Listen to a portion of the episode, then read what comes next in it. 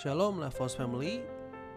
Hari ini kita akan mendengar kisah dari 2 Tawarik 14 mengenai Raja Asa yang memimpin umat Tuhan. Raja Asa di 2 Tawarik 14 dikatakan bahwa ia melakukan apa yang baik dan benar di mata Tuhan. Pertanyaannya, apakah yang disebut baik dan benar di mata Tuhan? Nah mari kita dengar kisahnya 2 Tawarik 14 ayat 2 sampai 5. Asa melakukan apa yang baik dan yang benar di mata Tuhan Allahnya. Ia menjauhkan mesbah-mesbah asing dan bukit-bukit pengorbanan, memecahkan tugu-tugu berhala dan menghancurkan tiang-tiang berhala. Ayat 4, ia memerintahkan orang Yehuda supaya mereka mencari Tuhan Allah nenek moyang mereka dan mematuhi hukum dan perintah. Ia menjauhkan bukit-bukit pengorbanan dan pendupaan-pendupaan di segala kota di Yehuda dan kerajaan pun aman di bawah pemerintahannya. Apa yang baik dan benar di mata Tuhan? Yaitu ketika kita tidak memiliki berhala. Apa yang baik dan benar di mata Allah yang dilihat dari Raja Asa adalah ketika Raja Asa membereskan segala berhalanya. Itu artinya apa yang baik dan benar di mata Tuhan adalah ketika kita hanya memiliki satu Allah yaitu Tuhan Yesus, satu Allah, yaitu Bapa di sorga. Nah, Raja Asa melakukan hal demikian. Ia hancurkan segala berhala supaya hanya Allah saja yang ditinggikan, supaya hanya Tuhan saja ia menggantungkan dirinya. Kita harus tahu bahwa Tuhan sangat benci berhala. Sebab di dalam berhala terdapat ketidaksetiaan kepada penguasa yang sejati kepada pencipta yang sejati yaitu Allah Bapa, Allah Anak. Pertanyaannya hari ini yang bisa kita renungkan adalah mungkinkah kita hari ini memiliki sebuah berhala dalam hidup? Ya, memang kita mungkin tidak menyembah patung, kita tidak datang ke bukit-bukit pengorbanan, tetapi apakah ada sesuatu yang mengikat kita lebih daripada Tuhan? Sebab berhala adalah sesuatu yang mengikat kita lebih daripada Tuhan. Siapa pun dan apa pun bisa jadi berhala buat kita. Misalnya hobi koleksi sepatu. Kita bisa rela-relakan um, mengantri sepatu dari pagi-pagi atau mungkin sampai memarahi uh, anggota keluarga di rumah karena kita tahu wah nggak boleh ngeganggu jadwal saya nih untuk beli sepatu ini sepatu koleksi terbaru akhirnya kita malah marahin anak, marahin istri, ya kan?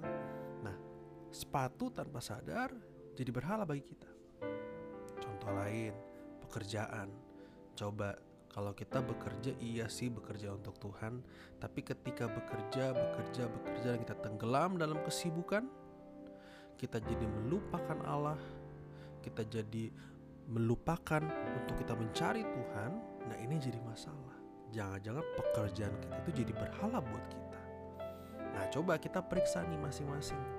Lewat kebiasaan kita sehari-hari, ada gak ya dari kebiasaan-kebiasaan itu ternyata jangan-jangan kita sedang hidup dalam berhala. Nah, setelah kita renungkan, lalu bagaimana nih? Oke, saya sudah sadar nih. Ternyata ada berhala A, B, C, D, E dalam hidup saya Lalu gimana caranya supaya kita bisa bertobat? Gimana caranya supaya saya bisa jadiin Tuhan satu-satunya Allah saya? Nah, kita lihat lagi dari Raja Asa. Apa sih yang dilakukan Raja Asa supaya baik dan berkenan di mata Tuhan? Yang pertama, coba deh kita buat batasan. Kita buat batasan. Seperti Raja Asa sebenarnya dia membuat batasan, bahkan dia menjauhi medan-medan uh, dosa, medan-medan di mana uh, seseorang bisa berhala. Makanya dihancurkan semua itu tuh bukit-bukit pengorbanan dihancurkan dipecahin tugu-tugu berhala supaya potensi atau medan untuk kita jatuh di dalam berhala itu hilang.